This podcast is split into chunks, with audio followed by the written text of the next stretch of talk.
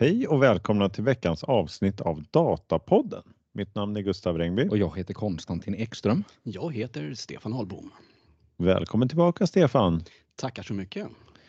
Eh, Är det tredje eller fjärde gången du är med nu? Det här är tredje gången, men det är lite speciellt. Det här är första gången jag får vara med här på kontoret. ja, vi har alltid varit ute på galej. Ja, första gången så var det ju på Data Innovation Summit. Mm, Andra gången så var det ju på Datadagen. just det. Mm. Så var det. Ja, men då är det lite lugnt och stilla den här gången då. Så det blir eh, en ny upplevelse för dig. Tackar. Det blir bra. Mm. Eh, ja, var kommer du ifrån? Jag kommer från eh, Time Extender. Ja, vad, vad är det för något företag? Men vi är ett danskt företag som jobbar med automation av byggandet av datalager. Mycket metadata. Ja, Mm. ja spännande. Eh, vi, eh, jag tänkte det är lika bra att vi säger det en gång till. Du, du har ju varit med förut och förklarat, men, eh, men det kanske är några nya som inte har lyssnat på alla 90 avsnitt. Precis, gått, detta är avsnitt hittills. 91. Ja. Mm. Men eh, vi, ska, vi har tre stycken artiklar och ska väl köra igång på en gång. Konstantin. Mm. Vi har ju vid några tillfällen tagit upp ett par tidiga case när man använt AI, bland annat Volvo och Gunnebo. Men vi kanske talat lite mindre om vilken approach man ska ha, vilken ände man ska börja och när man ska skala upp.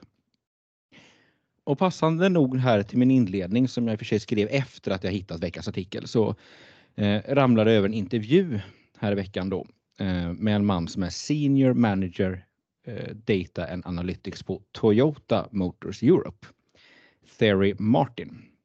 Och han ger då sin bild av hur de jobbar med AI inom bolaget och lite grann vilken approach de har.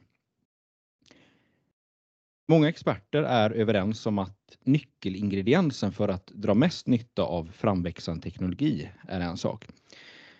Och det är att hitta det rätta användningsfallet, det vill säga det rätta caset. Men man får säga att det är väl egentligen regel bara på film. Det är någon som får ett skruvstäd i huvudet och plötsligt kommer på en idé som bara fungerar. I realiteten så är det ett ganska explorativt arbete får man säga. Och det innebär att arbeta med sin data inom det aktuella användningsområdet i stor utsträckning. Snarare än att kanske på en gång göra prognoser och automatisera.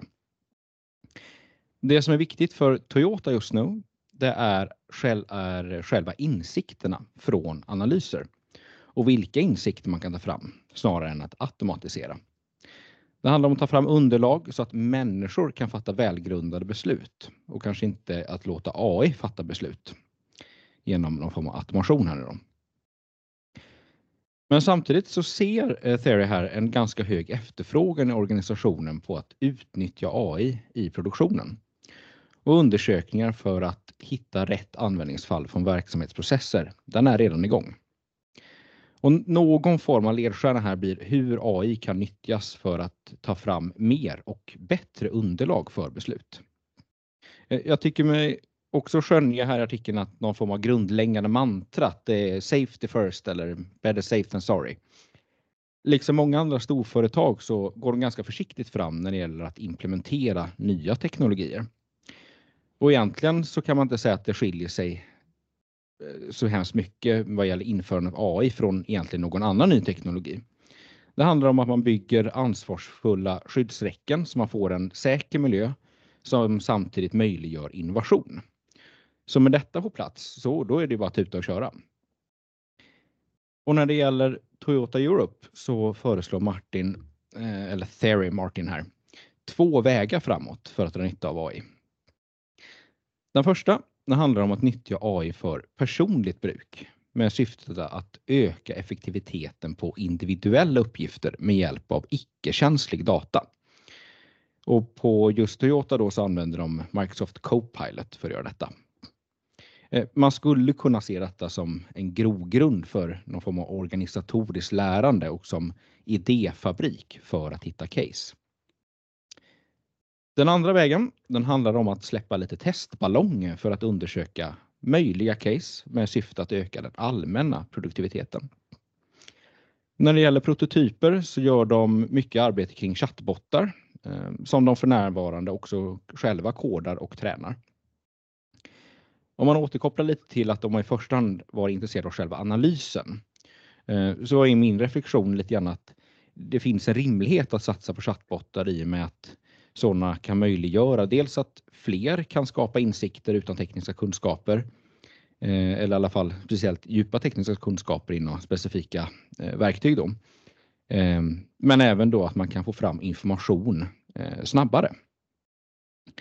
Och han har demonstrerat chattbotten för höga chefer på Toyota Europe och föreslår att intern utveckling är vägen framåt eftersom det hjälper till att lindra vissa bekymmer som är förknippade med offentligt tränade modeller som man vill ha liksom customiserade modeller för deras fall. Då.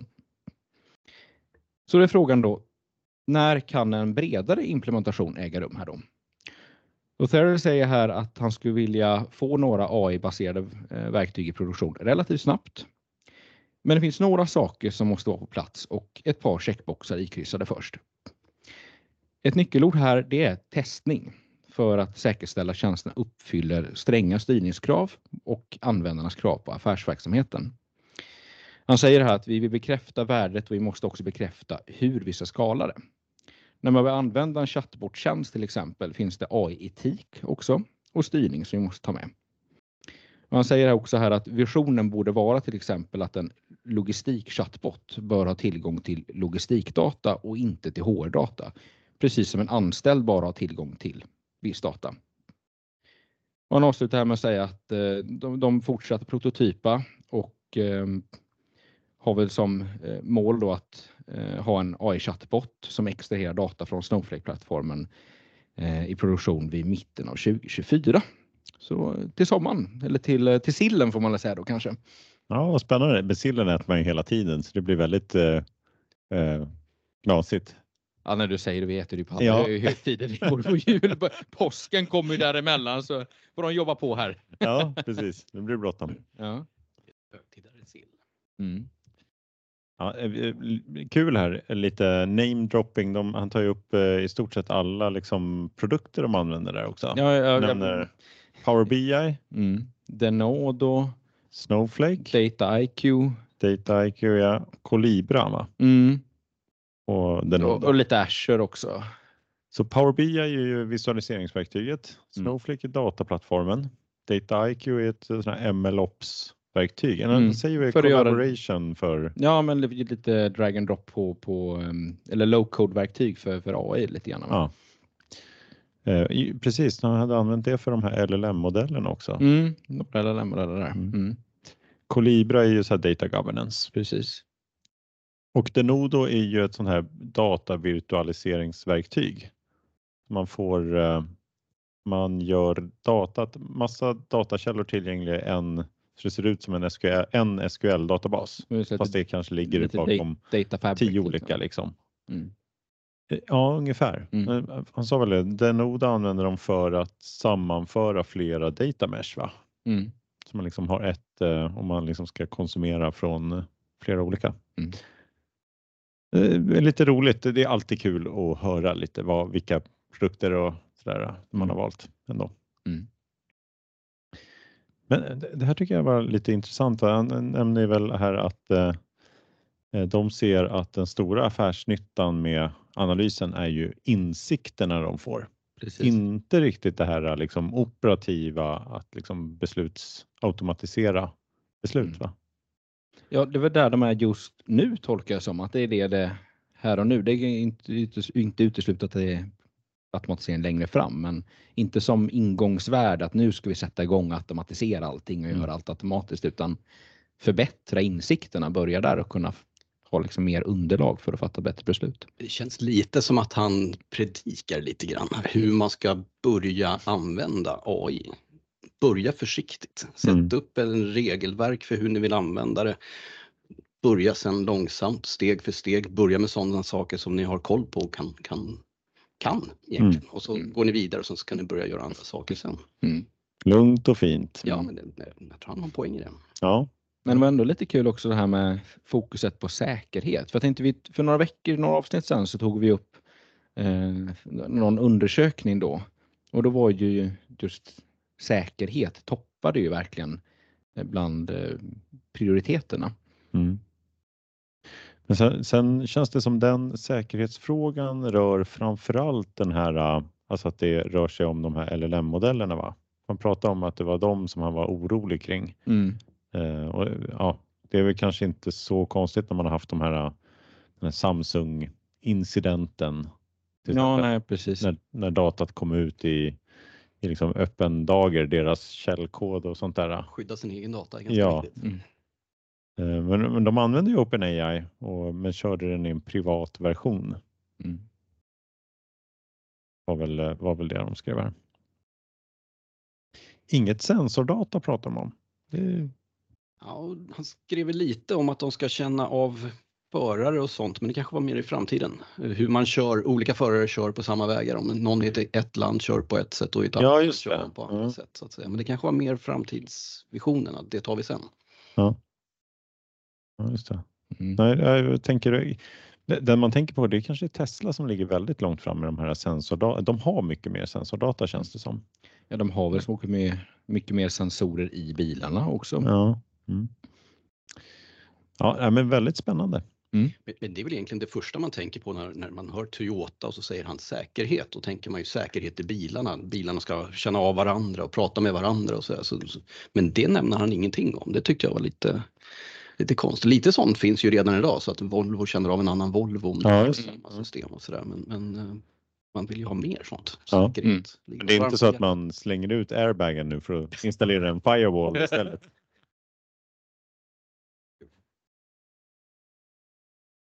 Ska vi gå vidare? Mm.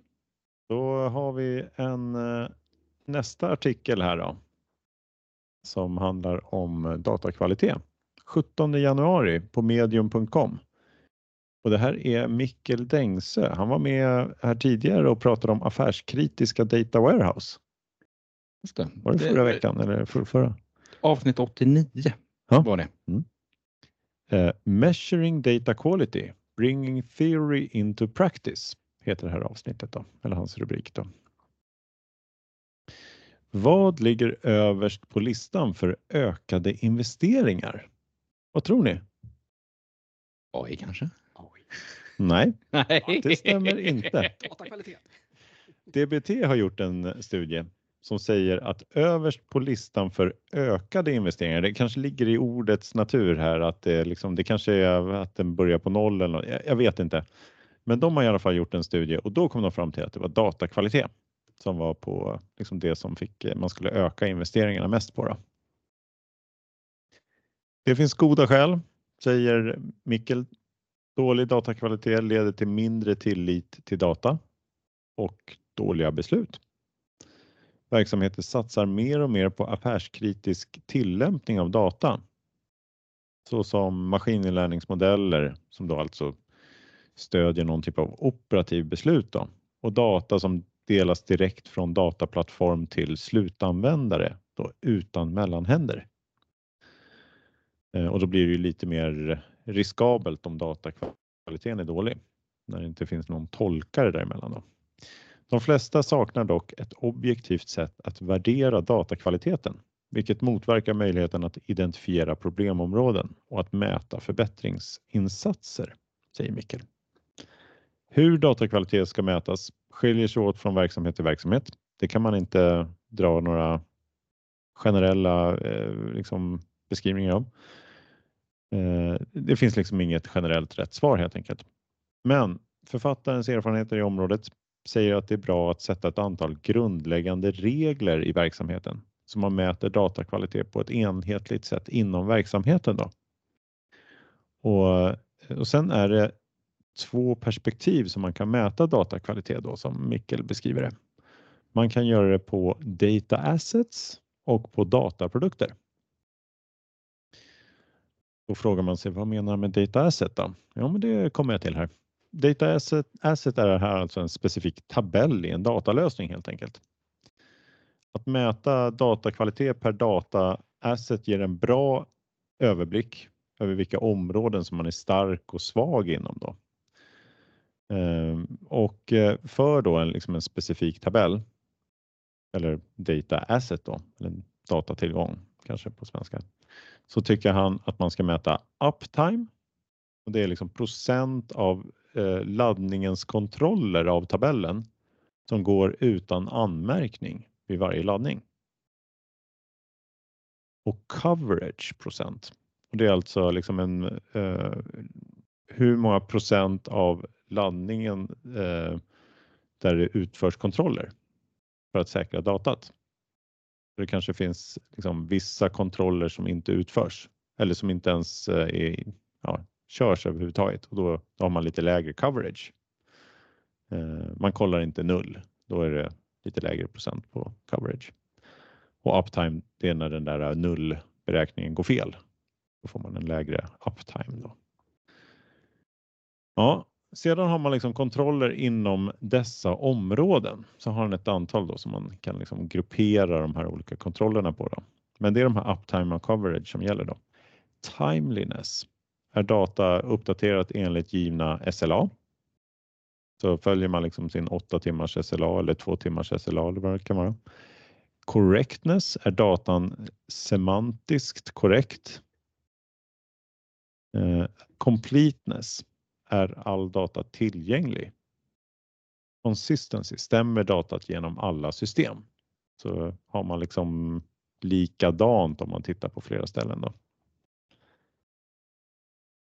Ja, utifrån dessa bör man sedan sätta gränser för vad man anser vara dåligt, acceptabelt och bra och mäta procent för varje dataladdning.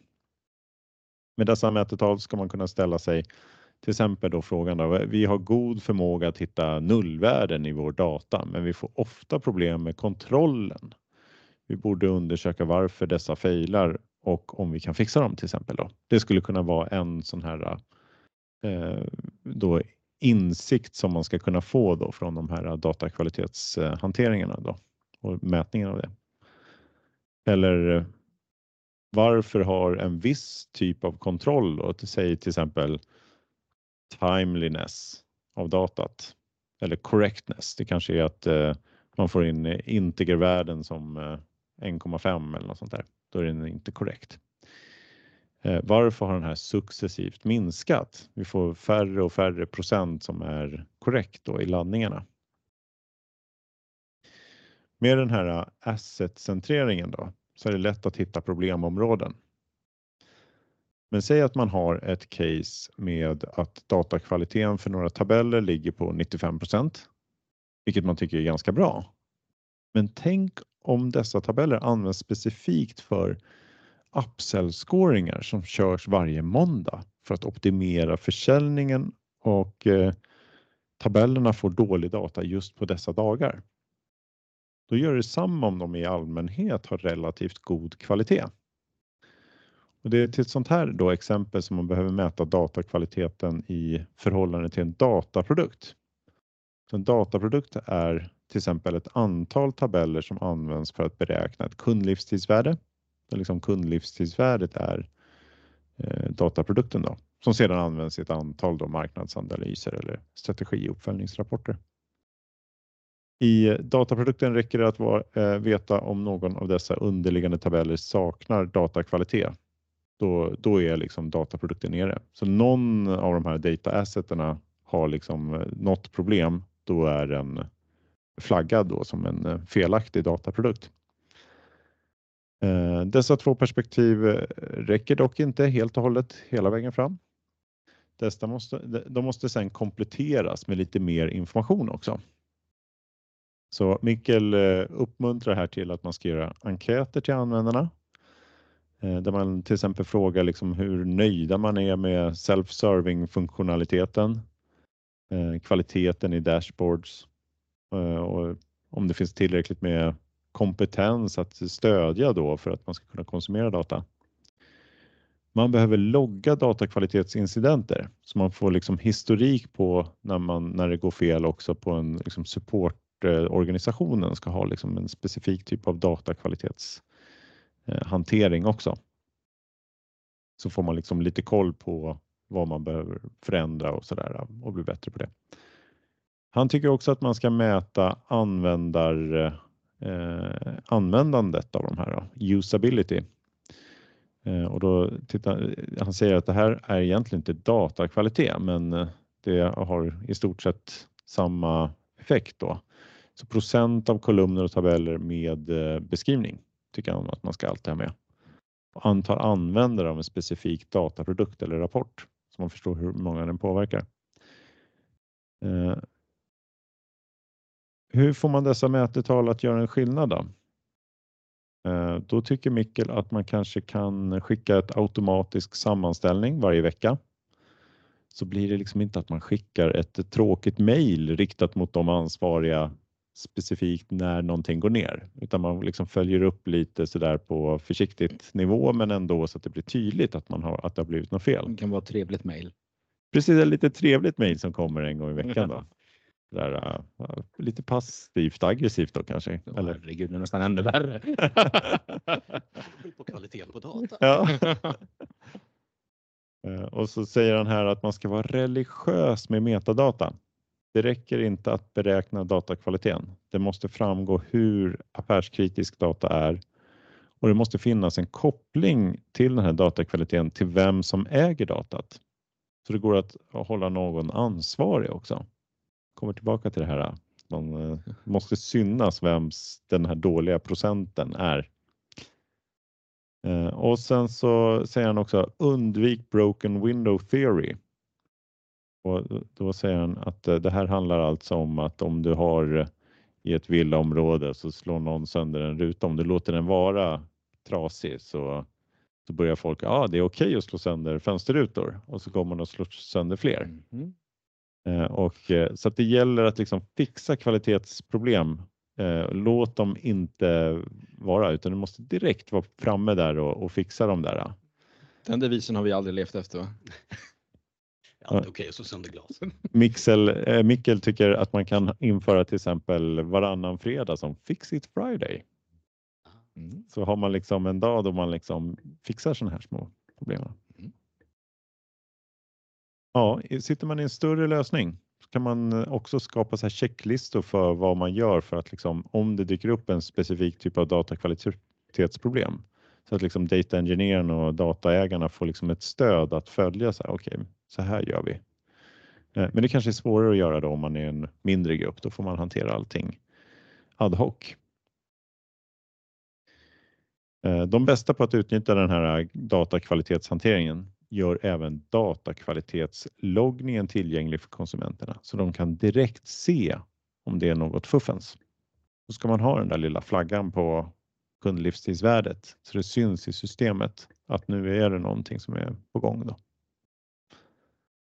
Ja, det var Mickels eh, idéer här. Nu ska man väl säga här att Mickel han jobbar också på ett, eh, han har en, eh, en tjänst själv som han jobbar med som heter Sync. Som, av, eh, av någon eh, eh, oförhappandes tur här så har ju den precis de här stöden att liksom visa perspektiven datakvalitet per data asset och per dataprodukt. Sådär. Mm. Så det är själva idén med tjänsten som han har. Så han har ju verkligen, han tror ju på det här får man väl säga i alla fall.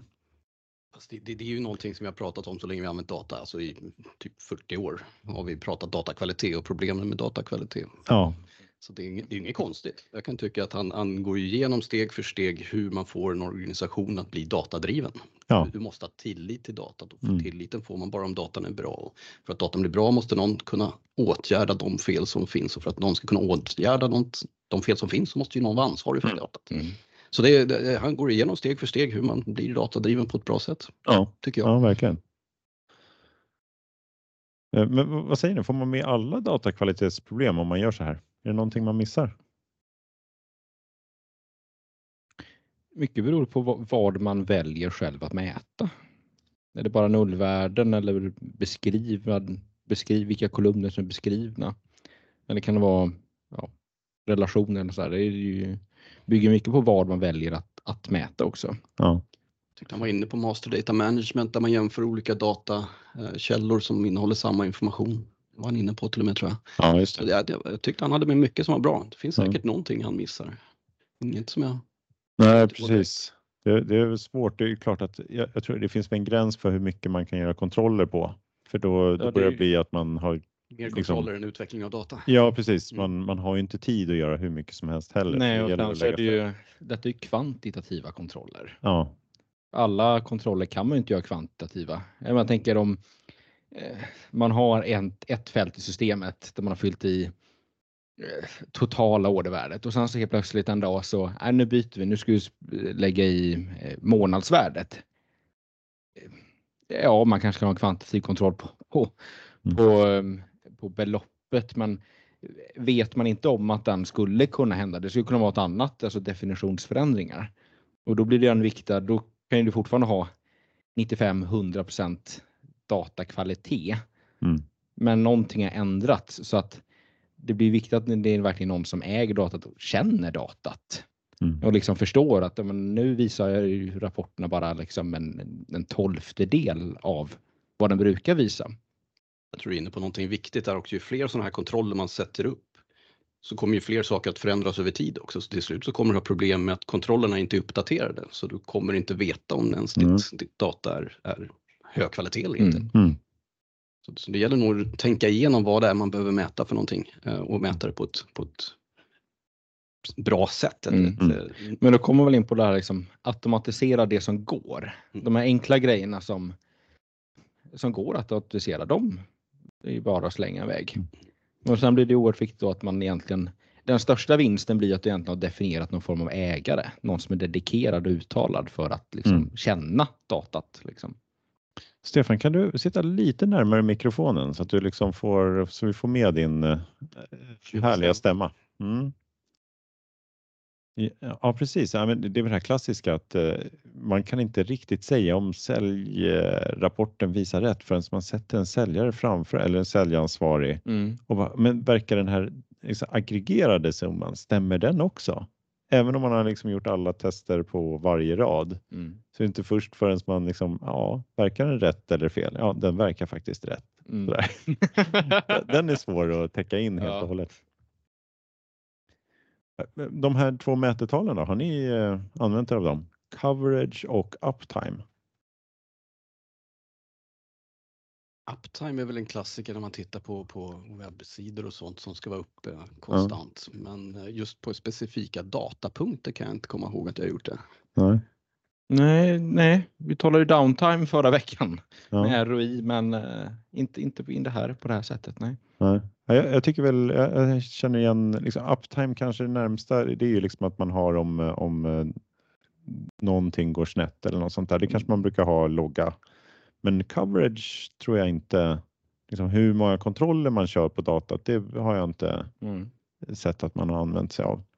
Mm. Så den känns lite speciell mm. ändå. Det skulle kunna vara, ja, för nu är det coverage på, av vad?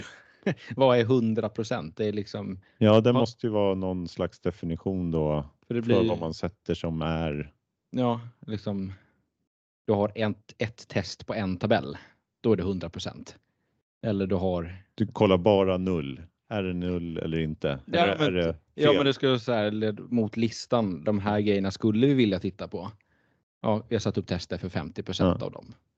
Ja, men lite som vi var inne på innan också, det här med att ju fler tester man har desto bättre behöver det ju inte bli för då kan det ju fort, tester som man inte uppdaterar blir inte kvalitetsmässigt bättre. Liksom. Ja.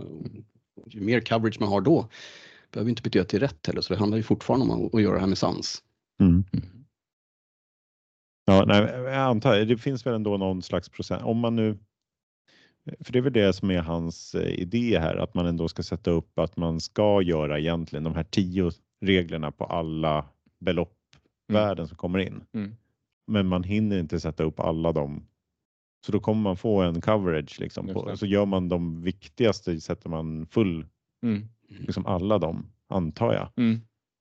Eh, men det känns också som man nästan behöver hans system i sådana fall, för det här kommer man inte orka bygga själv liksom i, i sådana fall. Bygga prockfabrik. Ja. Bara sprutar ut prockar med dynamiska skrull. Ja, men mm. Eh, spännande i alla fall att, att höra. Eh, jag tyckte den där, hans förra artikel var också väldigt bra, så det är mm. kul att höra. Men det här ligger nog närmare vad han också jobbar med då. då. Mm. Den här synklösningen då, någon slags eh, vad heter det? Jag tror det är någon mjukvarutjänst av något slag. Eller något. Jag har talat om det förut men jag har aldrig riktigt satt mig in i vad det är för något. Ja, jag, jag tog, eh, jag tog eh, den, eh, snabba varianten på vad det stod på hans eh, på, på hemsidan. Sync is a data reliability platform designed for model and metric centric data stacks with a strong emphasis on ownership. Perfekt. Han har med allting där. Mm. Ska vi gå vidare? Ja, Härligt. Då har jag tagit med en artikel från Expressen.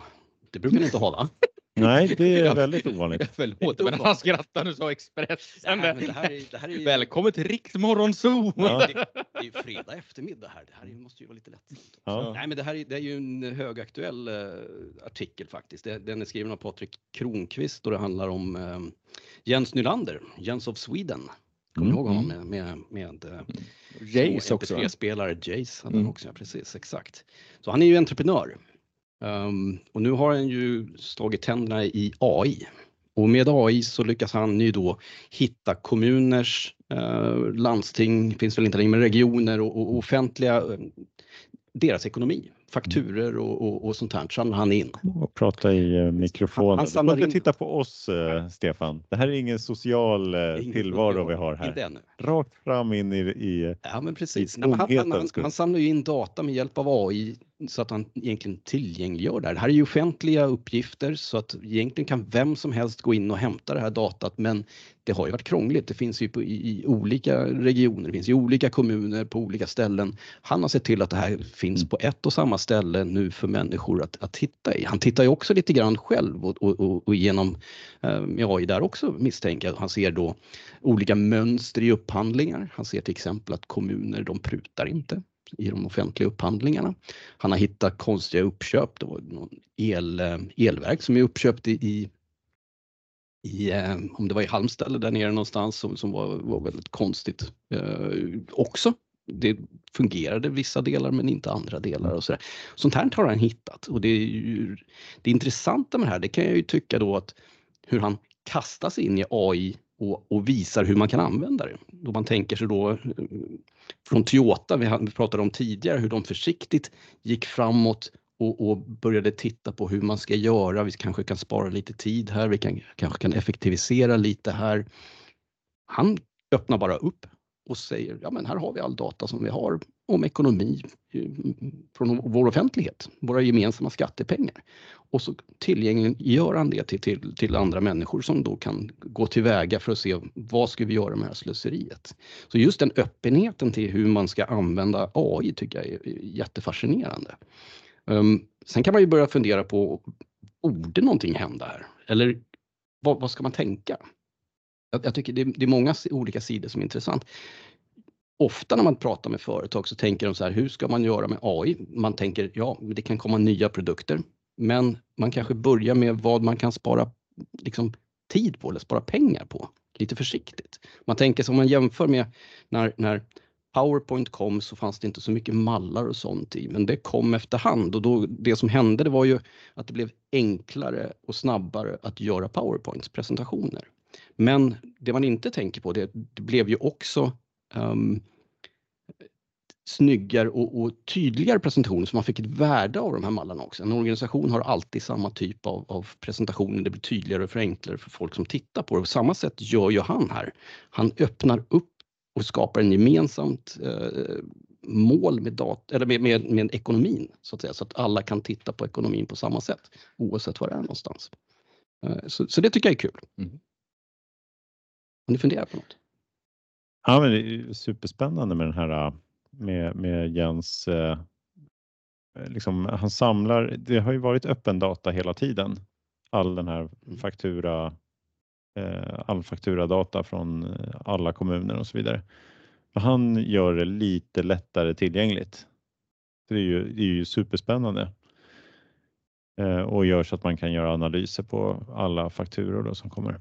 Det- det är lite som Alltså en, ett skäl till varför man eh, ofta bygger BI-lösningar det är ju för att en ledning ska kunna sätta liksom strategier och sen kunna följa upp att den strategin eh, följs enligt då resten av organisationen. Eh, det är ju lite samma sak här om man ser det som att vi alla är medborgare och på det sättet är vi ju ledningen för alla kommuner. Men vi har inte haft den här uh, KPI-rapporten tidigare. Vi har inte haft analysmaterialet. Äntligen nu får vi kommer liksom- med den här stora luntan med papper Ja. som vi faktiskt ska få. Nu Ja, får vi den här dashboarden Ja. att vi kan följa upp liksom och, och ställa frågor så där till kommunerna sen. Hur var det med den här nu då? Eh, den här eh, fakturan? Den har, det har vi inte kunnat göra. Nej, det, det är väldigt intressant. Nästa sak som man liksom tänker på det är ju att eh, många kommuner och så vidare, de, de skickar pengar på fakturer till, till fuffensbolag utan eh, F-skattsedel och sådana saker. Och då har ju han, Jens, skapat en, en, ett sätt att faktiskt kontrollera för kommunerna, så en tjänst för det. Mm. Och jag som kommer från den gamla Bisnode och, och um, Dun Bradstreet-världen där man har sådana produkter som man faktiskt säljer till företag. Blir så här, men har han skapat en gratisvariant av det här? Ja. Alltså, Han skapar nya produkter med hjälp av AI. Ja, helt underbart. Ja, ja, ja, det är fascinerande. Det, det skakar ju om lite grann. Ja, verkligen. Ja, men finns det någon lärdom för oss då i branschen här? För vi gör ju den här typen av data. Vi, vi tar ju liksom intern data för organisationer. Mm.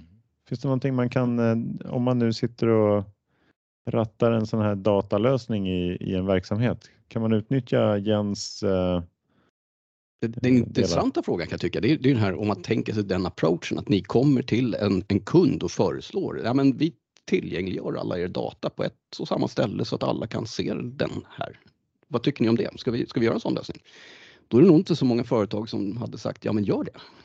Hade de det? Jag vet inte. Jag tror att de inte hade sagt ja nej, inte om vi gjorde det helt öppet sådär. Vi tar ett säljdata och lägger ut på nätet. Nej, inte för alla, men för, för företag till exempel. Ja. Så att de faktiskt internt kan börja använda allt data på ett och samma enkelt sätt. Mm. Ungefär så som Jens gör med, med offentlig dataskapande så att Mm. alla får tillgång till det. Men att man gör det internt.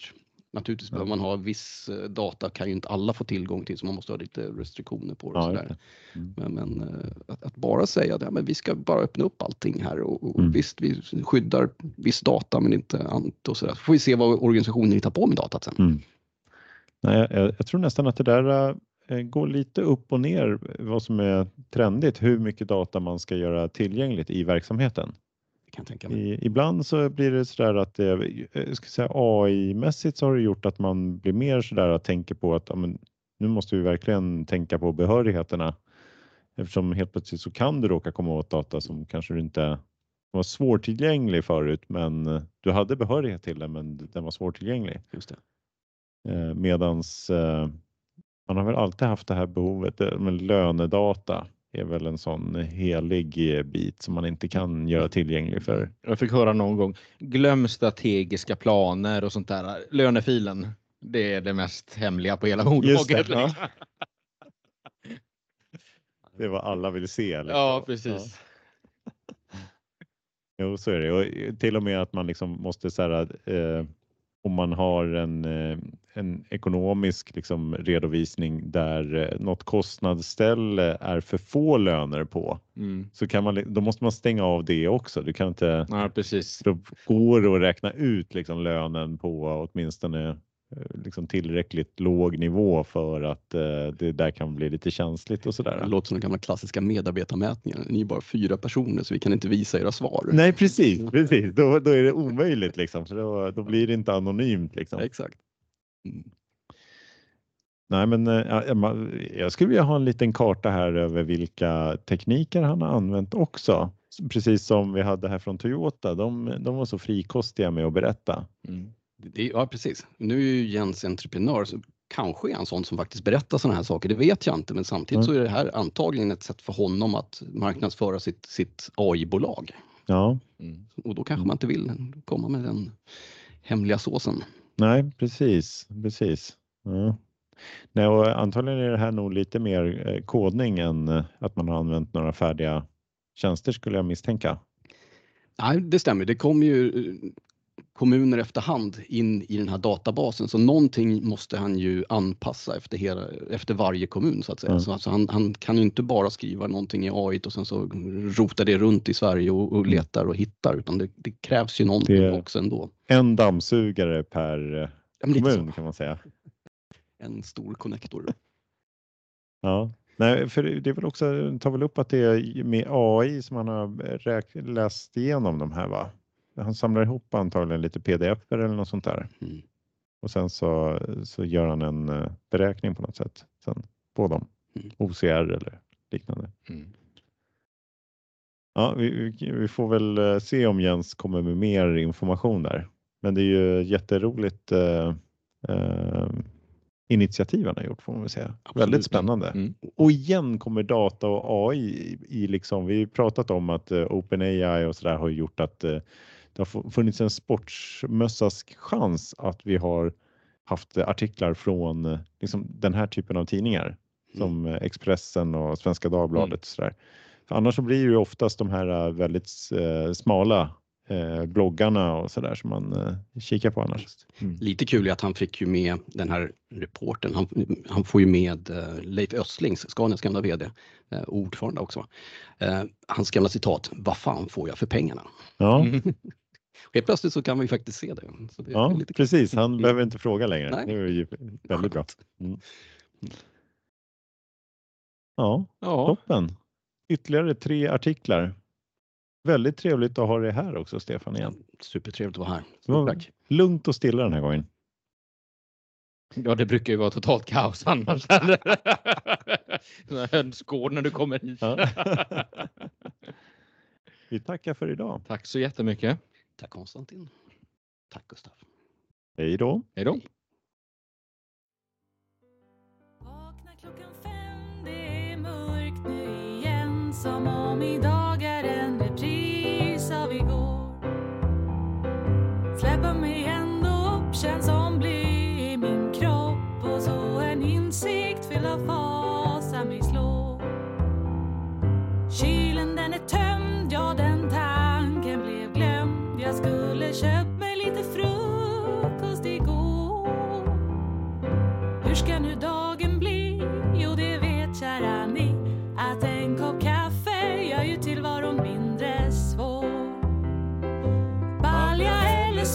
spelar out sin